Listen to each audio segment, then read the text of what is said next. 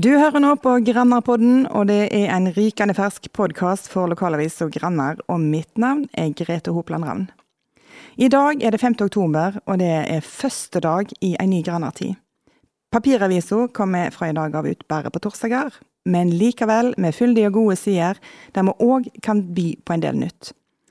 Grannarpodden er nytt for både oss og for det som framover blir lytterne våre, og redaktør Torstein Tysvær Nymoen, velkommen i studio. Nå skal du få lov å fortelle litt om hvorfor akkurat podkast er noe du vil at Granna skal satse på. Det er fordi at podkast er blitt et uh, veldig populært medium blant folk flest. Um, og nå er det sånn at Grannar stuper inn i en ny uh, digital tid. Fra og med denne uka så er det definitivt eh, digitalt eh, først, også i Grannar. Og da hører podkast med, som, som, en del av, av pakka til, til, lesere, og nå også lyttere. Så, så, det ser vi frem til. Jeg tror det skal bli et, et artig, og nytt og spennende tilbud. Si litt om eh, andre nye ting som, som lesere og lyttere kan få, få med seg i, i Grannar. I dag så eh, gir vi jo ut faktisk, eh, og i praksis, en helt ny papiravis. Eh, også med ny logo, som sikkert mange vil, vil merke seg. Eh, innholdsmessig, papiravisa vil eh, nødvendigvis bli en oppsummering av, av, det som har skjedd siden forrige uke, på en måte. Men det betyr ikke at, at papiravisa sånn sett blir, blir, helt uinteressant, for vi sparer også en, noe av stoffet til publisering på torsdagene. Eh, vi har jo blant annet eh, fra og med i dag der vi kommer til å, eller vi kommer til å ha en hovedreportasje som kommer til, til, å være den, den bærende bjelken i, papiravisa. Sånn at papiravisa er ikke død. Den, den, håper vi skal være interessant fortsatt både for lesere og annonsører. Men det er klart, for å følge nyhetsbildet døgnet rundt og uka gjennom, så er det nettavisa granard.no som er plassen å gå. Så for de som ikke er på digitale plattformer, for det er jo noen av kanskje den eldre garde som, som eh, ikke har kommet der ennå, så skal de i hvert fall ikke gå glipp av nyheter, om de bare leser torsdagsavisa. De skal iallfall ikke gå glipp av de viktigste nyhetene, og det, det aller meste vil være med til papir. Det vil det være. Og så er det endringer i f.eks. turnus for de som jobber i redaksjon. Fortell litt om det. Ja, det er jo en, en, eh, nødvendig del av det å bli digital. Eh, Grannar skal være den ledende eh, avisa i Etna og Vindafjord. Eh, du skal ikke trenge å ha noen andre, for å si det enkelt, for å få med deg hva som skjer utenfor stuedøra di. Og så er det jo sånn at ting skjer jo i praksis hele døgnet, og i, og i hvert fall mye skjer også på ettermiddag og kveldstid, både av arrangement og, og også uventa hendelser. Og er det sånn at du ser at det fer en brannbil forbi vinduet ditt, så skal det ikke gå lang tid eh, før du kan gå på grander.no og se hva som, hva som, skjer. Det å lage podkast, det er jo ikke nødvendigvis eh, en gratis ting, og dette gjør jo vi i eh, samarbeid med ABC-studio i Etne og Stig Morten Sørheim. Men fortell litt om hvordan vi finansierer dette, for dette skal ikke gå utover abonnentene, sant? Ja, dette går ikke utover abonnentene, men, men det koster å lage podkast òg, akkurat som det koster å, å lage all journalistikk som, som Grannar eh, lager. Um, vi har søkt Medietilsynet om støtte til å lage podkast, og det var vi så heldige å få. Uh, vi har fått 100 000 kroner fra Medietilsynet som, som uh, da skal gå til dette prosjektet. Og da er det jo kjempefint at vi kan benytte flinke lokale folk på ABC-studio som, som, en del av det. Det, det er en vinn-vinn-situasjon i, i, i området vi dekker, og det syns jeg er kjempefint. Du hører nå på Grannarpodden. Denne episoden er sponsa av firmagover.no, gåver som feller smak.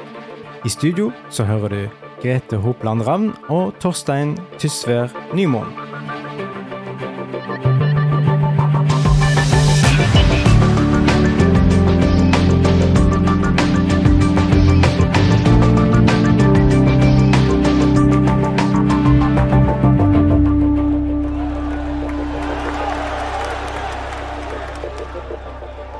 Er vi altså i gang med aller første episode av Grannapodden, og det er utrolig kjekt å få lov å introdusere dagens gjest. Det er en etnebu, oppvokst i Etna, han er 34 år. Og for mange er han kjent som mellomtrinnslærer på Enge skole, og andre kjenner han kanskje bedre som tidligere fotballproff og keeper. Han er ektemann, han er trebarnspappa, og det er veldig kjekt å kunne ønske deg hjertelig velkommen, Lars Øvernes. Takk for det. Du har jo nå de siste åra vært keeper på Etne A-lag, ikke sant? Men fotballen har jo vært en del av deg helt siden du var liten gutt. Fortell litt om hvordan fotballen kom inn i ditt liv, og hvordan det preger deg som liten gutt. Ja, jeg begynte på å spille fotball i Etne når jeg var rundt sju år. Kom inn i et veldig et fantastisk godt fotballmiljø i Etne. Hvor vi var 15-16 stykker i vår aldersgruppe, altså 89-kullet. Og vi var de samme stort sett som var med fra vi var 28 år til vi gikk ut av 10. klasse. Og hadde tre faste trenere med oss. Hadde Per Martin Kjellesvik, Ole Arnes Rullestad og Åge V, som fulgte oss hele veien opp. Og vi var en trofast og stødig gjeng som helst bare ville spille fotball. Så barndommen besto jo mye av det. Og så var jeg såpass ivrig og likte meg godt på banen. Jeg var stort sett keeper. Og så kom jeg med på litt kretslag og sånt etter hvert, da jeg var 13-14 år. Og så litt samlinger ute i Haugesund, og så etter hvert så ble det jo fotballgymnas der. Og Først kontrakt med juniorlaget til FKH, og så etter et år så var jeg med i Asdal til FKH. Ja, du var jo faktisk med helt i starten på det som fortsatt er et FKH-eventyr. De er vel jo nå i sesong nummer 14 på rappen. Ja. Men, men, du var med i, i, i ja, da eventyret starta. Kan du fortelle litt om, om hvordan det var å følge på nært hold? Ja, når jeg ble tatt opp som keeper i Asdalen der, så lå de sånn midt på tabellen, stort sett, i førstedivisjon. Eh, det var ikke så voldsomt stor entusiasme i byen akkurat på den tida der, men det, ble jo det etter hvert, når uh, vi fikk to lokale trenere som overtok, Jostein Grinde og Eirik Hornland. Så da um, var jeg med på laget som rykta opp i 2009. Hvordan var det å være med på et opprykk til Eliteserien? Det må jo være stort for en ung, ung gutt? Ja, det var, det var, veldig stort. Eh, jeg spilte én kamp den sesongen, da. Den, den vant vi jo 2-0. Men uh, ellers så bidro jeg stort sett fra, fra benken. Men det var kjekt å være med på, med på lag og med på den opplevelsen der. Og opprykksfest òg var jo knallgøy. knallgøy. ja, du var, du var mest på benken i FK? Ja, jeg var det. Jeg har sikkert en sånn type rekord med flest kamper på benken der. Eh, for jeg var der jo i seks sesonger totalt, eh, og spilte én til noen få kamper per år. Men eh, allikevel så følte jeg at jeg utvikla meg sånn som jeg skulle, og når jeg slapp til, så, så tok jeg vare på mulighetene, syns jeg. Og det tror jeg FKH syns òg at jeg gjorde. Hvem det var du konkurrerte med? Stort sett så var det Per Morten Kristiansen som var førstekeeper når jeg var der. Eh, med unntak ett år han var langtidsskada med kneet. Da spilte jeg litt mer, og i tillegg så henta de inn et par andre som kniva om plassen med. Men uh, stort sett så var det han. Så jeg og han så hadde et uh, tett og godt keepersamarbeid. Stemmer. Mm. Men, men du var ikke fornøyd med å bare sitte på benken, sant? Du ville, du ville helst være førstekeeper? Ja, det er klart. Når jeg var der på sjette året som, eh, som benkevarmer, så følte jeg at nå var det på tide å prøve noe nytt. Så, eh, da eh, fikk jeg kontrakt i HamKam, som var da divisjon under, altså første divisjon. Og der fikk jeg jo spille fast, som jeg hadde, hadde mål om. Og det gjorde jeg da i sesongen 2013. Og det var nok en tøff overgang å gå fra det å spille av og til sånn som jeg gjorde med FK, for da gikk det egentlig bra hver gang. Mens nå var det det å være, være like god, og være like klar hver søndag, og oftere enn det òg. Det var nok eh, Ble etter hvert vanskeligere enn jeg hadde trodd. Så, så jeg lærte mye av det første, første året der. Ja. Mm. Ja, for da, du, da flytta du til Hamar i lag med kjæresten din? sant? Ja da, da um, fikk jeg Hanne med meg, uh, og vi flytta til, til, Hamar. Kjøpte oss leilighet der og satsa jo. Jeg hadde treårskontrakt, og um, hun var nyutdanna sykepleier og fikk seg uh, ganske fort jobb der borte. Uh, så vi hadde, det var veldig spennende tid, det. Altså, det um, I starten så gikk det bra sportslig for meg òg, og det var veldig fint å komme inn en plass og være nummer én, og ikke være nummer tolv. Så det jeg er veldig takknemlig og glad for den muligheten jeg fikk der. Og så kan jeg i ettertid se at jeg, jeg, skulle ønske jeg kanskje tok enda bedre vare på mulighetene, men um, samtidig lærte jeg mye av det òg. Um, så det året i 2013 var jo varierende, og så uh, ble det litt høye skuldre utover sommeren og høsten der, og da, da var ikke fotball så kjekt som det skal være. Og det, det så jeg nok på meg òg, at det var, det var ikke en så lett og ledig keeper som sto baki der. Jeg tenkte mye konsekvenser da. Mm. Eh, og så ble det jo Det er, en, det er en utsatt posisjon å være keeper. Det er veldig synlig. Ja, du skal være godt forberedt for å stå der, og du skal tenke passe mye, kan jeg jo si. Du skal eh, tenke deg ut eh, Eller være ferdig tenkt før kampen er begynt, sånn at resten går automatisk. Det, det lærte jeg vel mye av det første året der. Mm. Eh, og så i eh, oppstarten av 2014-sesongen så hadde klubben en mental trener som de brukte. Så han òg begynte jeg å ha ganske sånn faste samtaler med. Eh, Så det var veldig nyttig og interessant å se hvordan du kunne kunne styrke prestasjonen på banen med, å, med måten du tenker på. Eh, Spesielt i forkant av kamper. Da. Mentaltrener også som keeper. En, en, en, si, lærte du noe der som, som du har med deg videre i livet? Eh, Han brukte det mest i forhold til fotballkamper, men, men det er jo det med visualisering. Det er også, skal du gjøre noe vanskelig eller krevende, så øker sjansen for å lykkes hvis du har sett for deg sjøl at du gjør det. Er det, er det situasjoner når du nå står for ett idrettslag som, som du kan tenke tilbake på Det der du lærte den gangen? Ja, tenker du i de tidligere år? Ja, ja, ja. Du har vel åpenbart med deg erfaringer fra Ja da. Eh, Så får du en bank etter hvert med, med gode opplevelser. Eh, De dårlige er jo der, men det er jo hva du gir energi. Det, du velger jo litt sjøl hva du kan dra fram. Mm. Du, Litt tilbake til Briskeby stadion på Hamar. Jeg vet ikke om det var hjemme eller borte, men eh, når jeg googla deg, så kommer det opp en artikkel om en kamp mot Fredrikstad. Ja.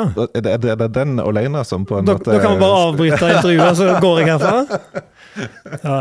Nei, jeg eh, havna jo på, på VGs framside der med en, en skikkelig hyler av en keepertabbe. En eh, lang, langt utspill som bare dabber rett foran meg og over meg og inn i mål. Så jeg har vel aldri gjort noe lignende igjen. Eh, Det var en kombinasjon av våt og hard gressmatte som ga en helt, helt uberegnelig stuss. Og en keeper som ikke var helt mentalt klar for kamp den dagen der. Eh, Kombinasjonen av det ble en, en skikkelig klassikertabbe. Jeg har, eh, jeg har selv jobba som sportsjournalist i, i mange år i- tidlig i livet mitt, og, og eh, har erfart at er det noe keepere hater, så er det å bli påminnet tabbene sine, for det er gjerne de folk husker. Er det litt sånn? Ja. Jeg leste boka til Håkon Oppdal. Han har hatt eh, både stjerneredninger og keepertabber, han òg. Eh, så han sa det at denne, altså disse keepertabbene, de er jo De er der alltid. Det, det er elefanten i rommet, men du velger sjøl hva farge du vil gi den. Om den skal bare være grå og kjedelig og bare være der, eller om du skal gi den oppmerksomhet og ha neongul og, og fram i bildet. Så jeg, jeg kjente meg igjen der, da. At du, du blir ikke kvitt det du har gjort og feil du har gjort, men de, de er der, og så velger du hvor mye du vil fokusere på dem. Mm. Husker du din, det du mm, kan si var din beste prestasjon på fotballbanen? Altså, er det, er det, har du ei TV-redning du, du minnes som, som var en god prestasjon? Eh, ja, mine to beste fotballminner er jo med grønn eh, Eller ikke grønn drakt, men forrettene, da. Eh, Det er det. Det er det to ting som peker seg ut. Det er sørlandscup med gutter 14. eh, vi spiller semifinale mot Stord, og vi ligger under 1-0, og jeg står i mål. Og så eh, blir jeg bytta innpå som spiss siste ti minuttene, og, og greier da å krangle inn 1-1. Og så vinner vi 2-1 etter ekstraomganger og kommer til finalen og slo et Stord-lag som eh, egentlig var, var bedre enn oss. Men, eh, Betyr ikke det statistisk sett at du burde vært spiss og ikke keeper? ja, jeg var en litt spiss og litt overalt i starten. og, av eller Fram til jeg var 16, år, så, så bytta jeg mye på å stå i mål og spille litt utpå. Men jeg har nok stått på rett plass, altså. Eh, Så det er det ene minnet som jeg aldri kommer til å glemme.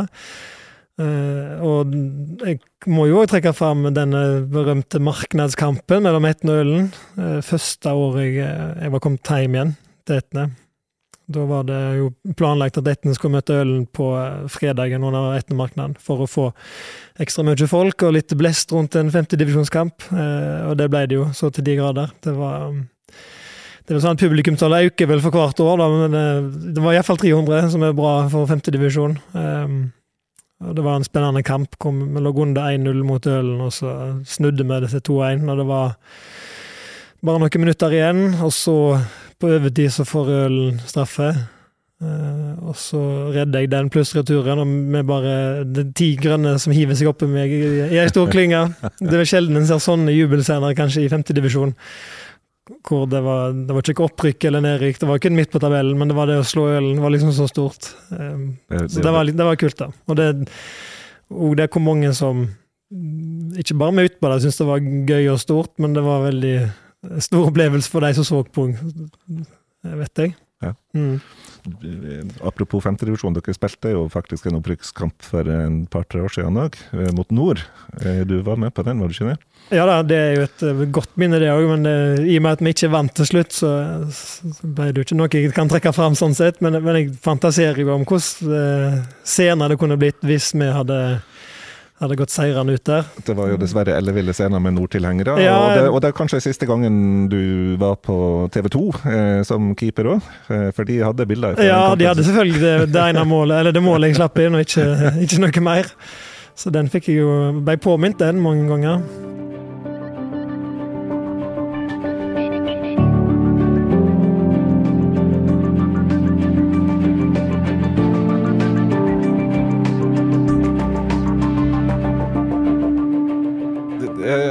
Lars, eh, det ble tre sesonger på Hamar. Det ble bare to? Det ble to, ja. ja. ja um, hvordan eh, Når, når forsto du at Ja, altså det var jo, det var jo Man kan kalle det det, det lærerike året. Første året. Som ble påfylt av 2014-sesongen, hvor jeg fortsatt var førstekeeper og, og, og nummer én der. Og som jeg nevnte tidligere, litt mer strukturert trening og mental trening gjorde meg bedre rusta til den neste sesongen som kom. Så jeg hadde, bedre, holdt et bedre og jevnere nivå denne sesongen der, men det gjorde jo ikke laget på noen som helst måte. Eh, og vi hadde mye uflaks og udyktighet med at vi eh, signerte feil type spillere i forhold til de vi hadde hatt året før, og to sentrale spillere brakk foten rett før seriestart. Og treneren trakk seg etter tre runder òg, så da var vi litt sånn Vi skjønte litt for tidlig at dette her blir, eh, blir vondt å snu. Så vi spillerne sto igjen, og når vi kom til sommeren og halvspilt, hadde spilt halve serien, så lå vi desidert sist med fem-seks poeng, og visste vel egentlig at nå har vi allerede rykka ned. Eh, og klubben hadde økonomiske problemer òg, sånn at mange, eh, var ni av elleve av de som pleide å starte, de forlot klubben. Og fikk seg, eh, fikk seg andre plasser å spille. Eh, og da var det rett og slett åpne treninger på Hamar den sommeren. De som ville komme og spille et halvt år i, i Obos-ligaen, kunne få lov til det, nesten uansett hvor gode eller ikke gode de var. Så det var jo litt rart å være med på det der. Eh, men jeg prøvde bare å tenke for min del at nå får jeg i hvert fall kamperfaring her i høst, og jeg får iallfall skudd på meg med, med dette laget her foran meg. Eh, og det gjorde jeg, og eh, selv om jeg tapte jo de fleste kampene, så gikk det greit for min del, altså. Um, og det ble et, et kontrollert, en kontrollert krasjlanding nede i andredivisjon. Um, og da var egentlig tida på Hamar ferdig for vår del. Det var ikke aktuelt å være der og spille andredivisjon. Uh, og Vestlandet lokka oss egentlig litt tilbake, både meg og Hanne. Men, men begynte du da sjøl å tenke at profflivet kanskje ikke var framtida for deg? Nei, jeg hadde, jeg hadde, et ønske om å få bli i, i toppfotballen på et eller annet vis. Det var jeg god nok for òg. Ehm, og så hadde jeg en dialog med Sandnes Ulf, som uh, lå an til å trenge to nye keepere sesongen etterpå. Så um, vi flytta jo til Sandnes. Det var òg fordi at uh, der hadde mamma en leilighet som hun hadde leikt ut i en del år, som det var mulig for oss å, overta. Uh, men så viste det seg at det de, de keeperbehovet kom aldri i Sandnes Ulf, uh, og enn så lenge så måtte jeg jo ha et lag å spille på, så da banka jeg på døra hos Sola, som da spilte andredivisjon. Altså ett tak ned enn Sandnes Ulf. og en helt annen klubb og helt annen tilværelse. Det var amatørkontrakter og trening på ettermiddag, eh, og ikke, ikke denne proffe tilværelsen jeg gjerne hadde sett for meg, og som jeg hadde hatt noen år, da. Men eh, samtidig så merka jeg jo spillegleden kom tilbake, for da hadde jeg tross alt hatt et helt år uten å ta tre poeng. Mm. i den 2014-sesongen. Så bare det mm, første kampen for Sola i andredivisjon på våren, når vi slo videre eller et eller annet lag der, så var det vanvittig deilig å være med og ta et seiersrop. For det er jo de, den følelsen du helst vil ha, selvfølgelig. Ja. Eh, og så eh, ja, hva spilte jeg jo da eh, for Sola i andredivisjon 2015. og fikk god kamptrening der. og hadde en skotsk trener, Maurice Ross, som jeg lærte veldig mye av, som var klin galen. Um, og det var en veldig fin gjeng å spille med. Det var, det var kortspill, og det var god stemning, og fotball var betydelig mindre farlig enn det var året før, for min del. Så det var trygt og godt og, og kjekt. Og så um, var jeg litt sånn aktuell for både Bryn og Sandnes Ulf i løpet av 2015-sesongen, men det blei det ble aldri noe av. Jeg fikk for så vidt et tilbud for Sandnes Ulf òg, men det var altfor dårlig økonomisk til at det var Jeg kunne godta det, så da valgte jeg å bare bli i Sola og se litt hvilke muligheter jeg fikk. Ehm, men eh, så gikk det Det ble ikke noe konkret ut av noen ting, da. Så jeg var Sola-spiller i 2016 òg. Mm. Mm. Eh, og så kom et litt annet vendepunkt i livet. Da ble jeg med foreldre i 2016, eh, og da følte jeg liksom at tida med å reise Norge rundt i enten første eller andre divisjon var litt forbi for min del. Så da ble det himt etne.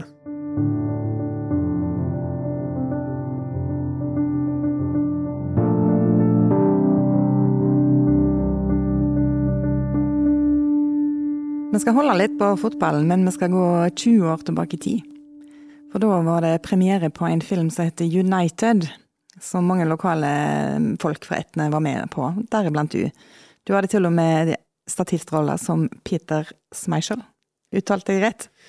Ja, veldig bra uttale. For, fortell litt om eh, hvordan det var som 13-åring å være med i en stor eh, norsk film. Jeg var for det første ikke spesielt ivrig på å være med. Jeg var en av de som ikke meldte meg på audition, men disse filmfolka kom til Bygdøra og sa vi trenger et sånt guttelag. Eh, og vi trenger en keeper på det laget. Og det var jo jeg som var keeper på guttelaget i bygda, så det var liksom sånn jeg ble casta der, da. Eh, at jeg ble bare hevet inn med de andre, og eh, fikk en grønn drakt med Smeisel på. Og så var det bare å hive seg med. Og det ble statistrolle, sånn som halve ettene hadde.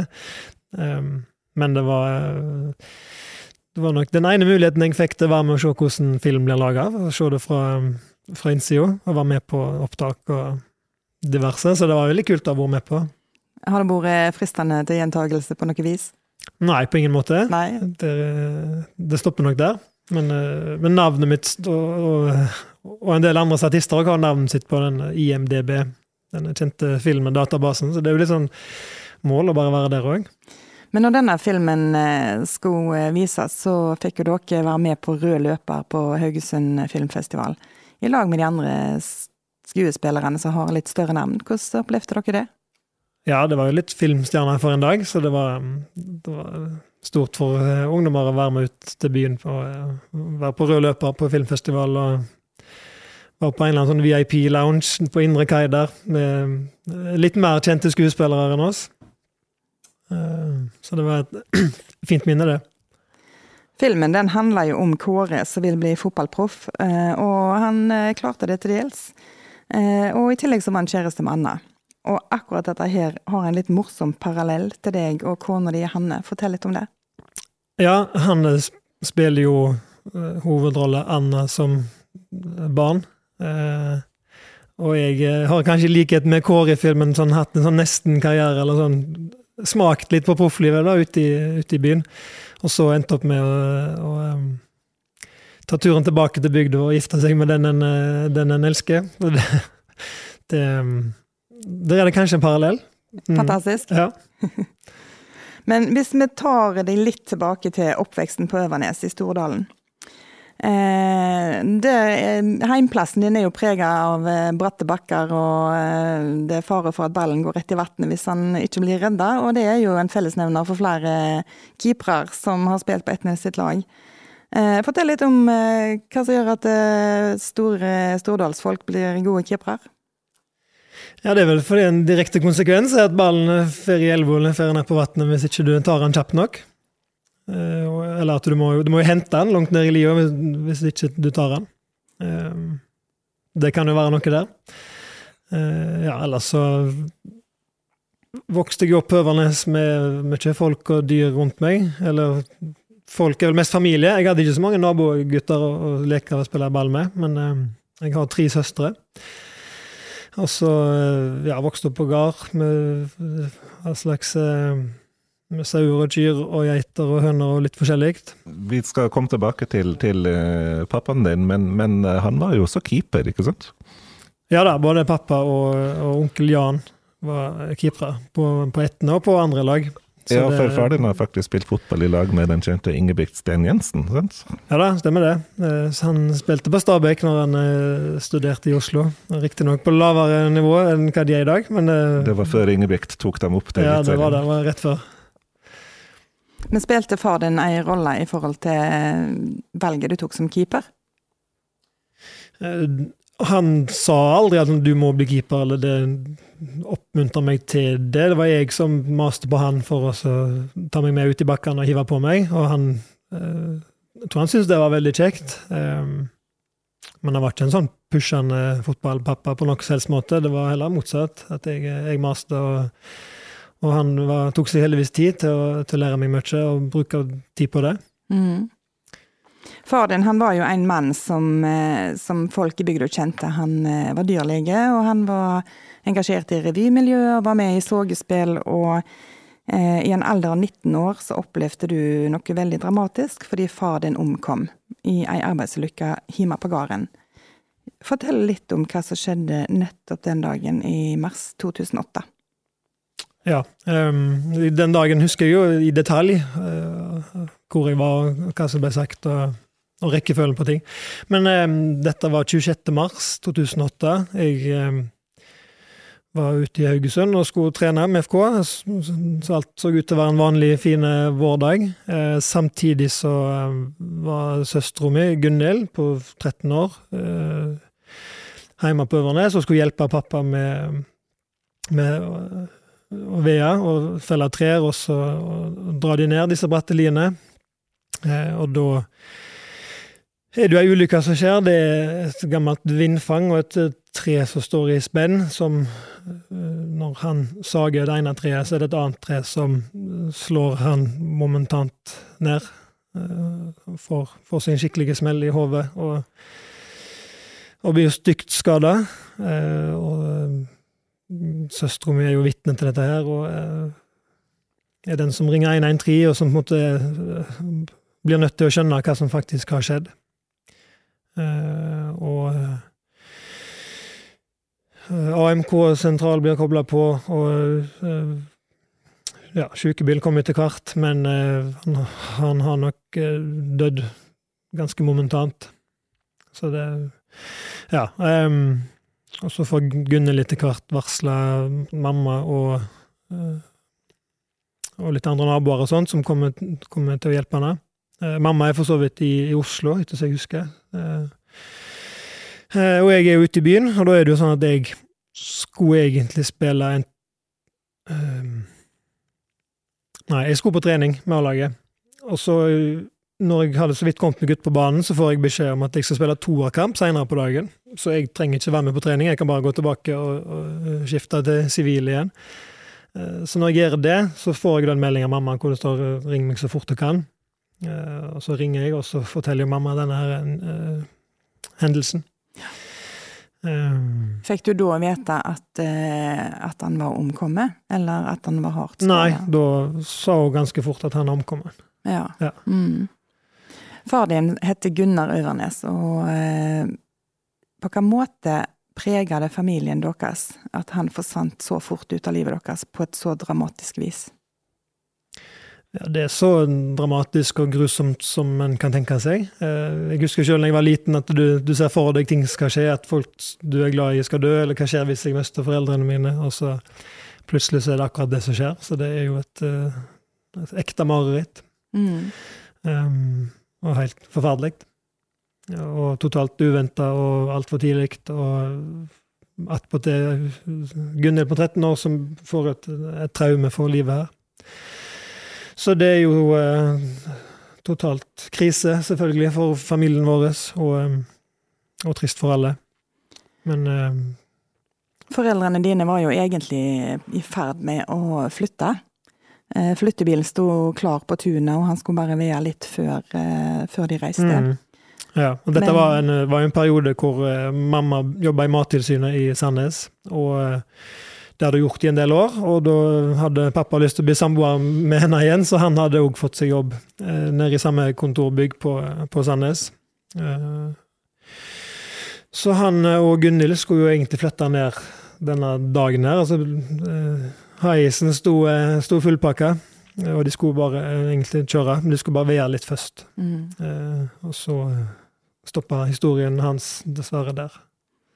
For mor di så ble det òg et vendepunkt der, for hun reiste aldri ned igjen. Hun flytta hjem og ble bærende på gården. Ja, da måtte hun jo bare gjøre om på alle planer og flytta hjem til Øvernes og, og bodde der med Gunhild. Så da var det de to som måtte få livet til å gå videre der. Du sa en gang at du, eh, du er en himakjær type. Er det eh, en litt konsekvens av den erfaringen du fikk som 19-åring? Ja, vi ble iallfall veldig tett, eh, eller enda tettere knytta som familie når vi opplevde det vi gjorde. Det er jeg helt sikker på. Og vi var, vi var flinke på å være i sorgfasen òg. At vi, vi, tok oss tid til å, til å ha det litt fælt og, og grine og snakke i lag. Eh, og det er klart, når vi snakket om pappa, så var det både lettere og tårer om en annen. Um, men vi hadde en veldig lang prosess der, eh, både meg og søstrene mine og mamma. Og, ja, hvor vi var tok, tok oss tid til det vonde, på en måte, og det har, eh, har vi kommet godt ut av.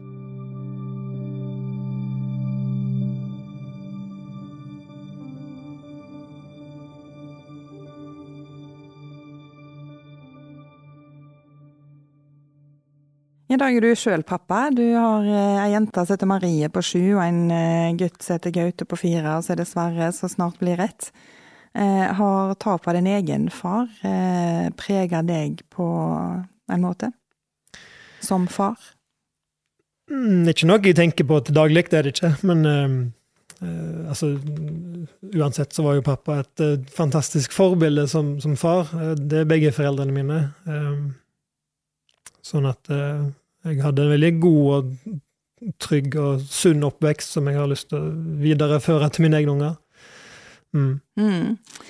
Eh, når du og familien din, du og han og deres tre unger skal finne på noe kjekt når dere har fri, hva velger dere å gjøre i lag da? Ja, vi liker å komme oss ut. Eh, enten om det er ute og bade, eller om det er ute på ski om vinteren. Og eh, ja, opp på noen fjellturer. Det er klart det er litt logistikk når du skal, skal ha med deg hele gjengen, og litt bedre meiser og litt låg motivasjon for noen, noen dager. Og, eh, men det, jeg tenker det er da familien har det best, når vi kommer oss ut på godværsdager og får uh, gått litt i, på fjell og vidde. Eh, Gaute og Marie, er de eh, like glad i dere som til å gå på ski, eksempel? Ja, det kommer seg. Eh, og det er jo det at du må eh, ha mest mulig gode opplevelser, og eh, snu, eller ikke, ikke pushe for lenge. Så jeg, jeg hadde en tur med Marie hvor vi kjørte til Oppheim og skulle gå på ski. Og vi gikk opp første bakken, knapt nok det, og så ville hun snu, og snudde vi. Jeg Ja. tenkte her må jo være lur og investere i en god opplevelse, og ikke dra dette for langt. Um, hun er i dag full fart i løypene, altså.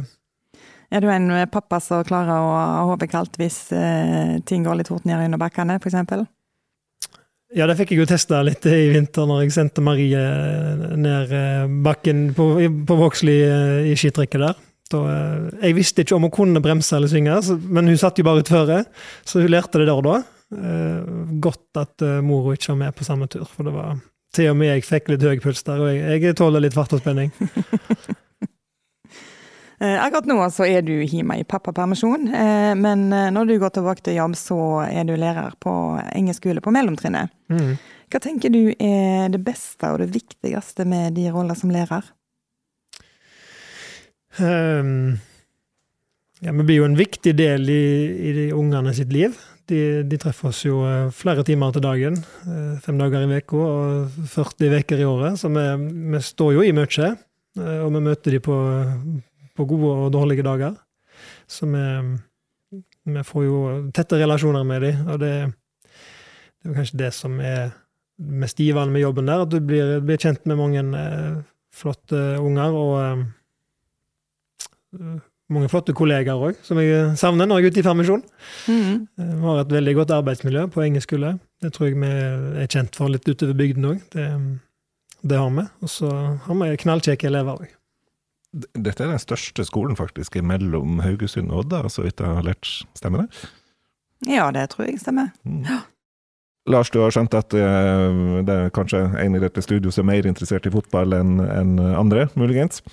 Jeg må jo benytte sjansen når jeg har en fotballmann i studio. Hva er de, de episodene du husker best? Um, jeg kan jo begynne med debuten for A-laget til FK. Det var hjemme mot Sandnes Ulf uh, i 2008.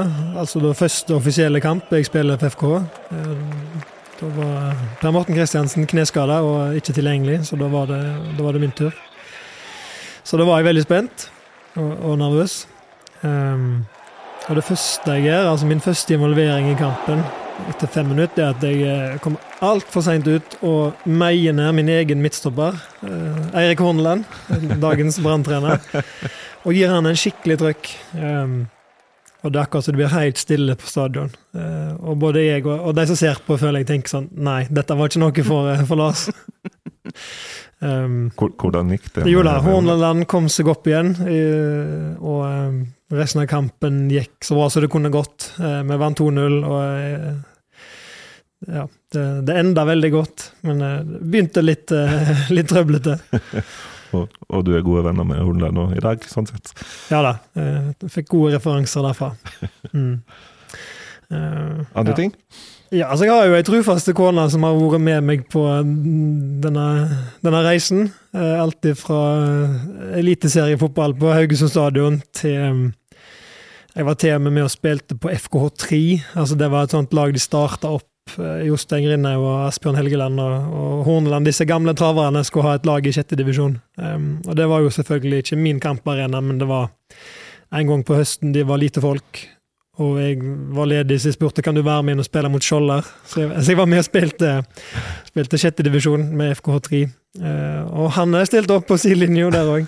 Uh, eh, og så var det en annen en toerkamp. Jeg spilte på Haugebanen eh, for FK, hvor jeg eh, bommer på et utspark eller et eller annet, og så eh, ender det med at ballen ender opp i, rett i fleisen på han på sidelinja.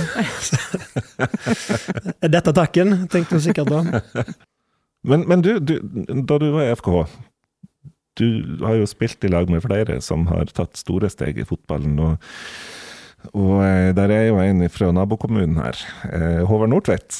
Han, eh, han, ble det både Premier League og vel å merke mest Bundesliga på. Men, men gjør du deg noen tanker om, om hvorfor, han, hvorfor han havna der, og du havna tilbake i Etne som fotballspiller?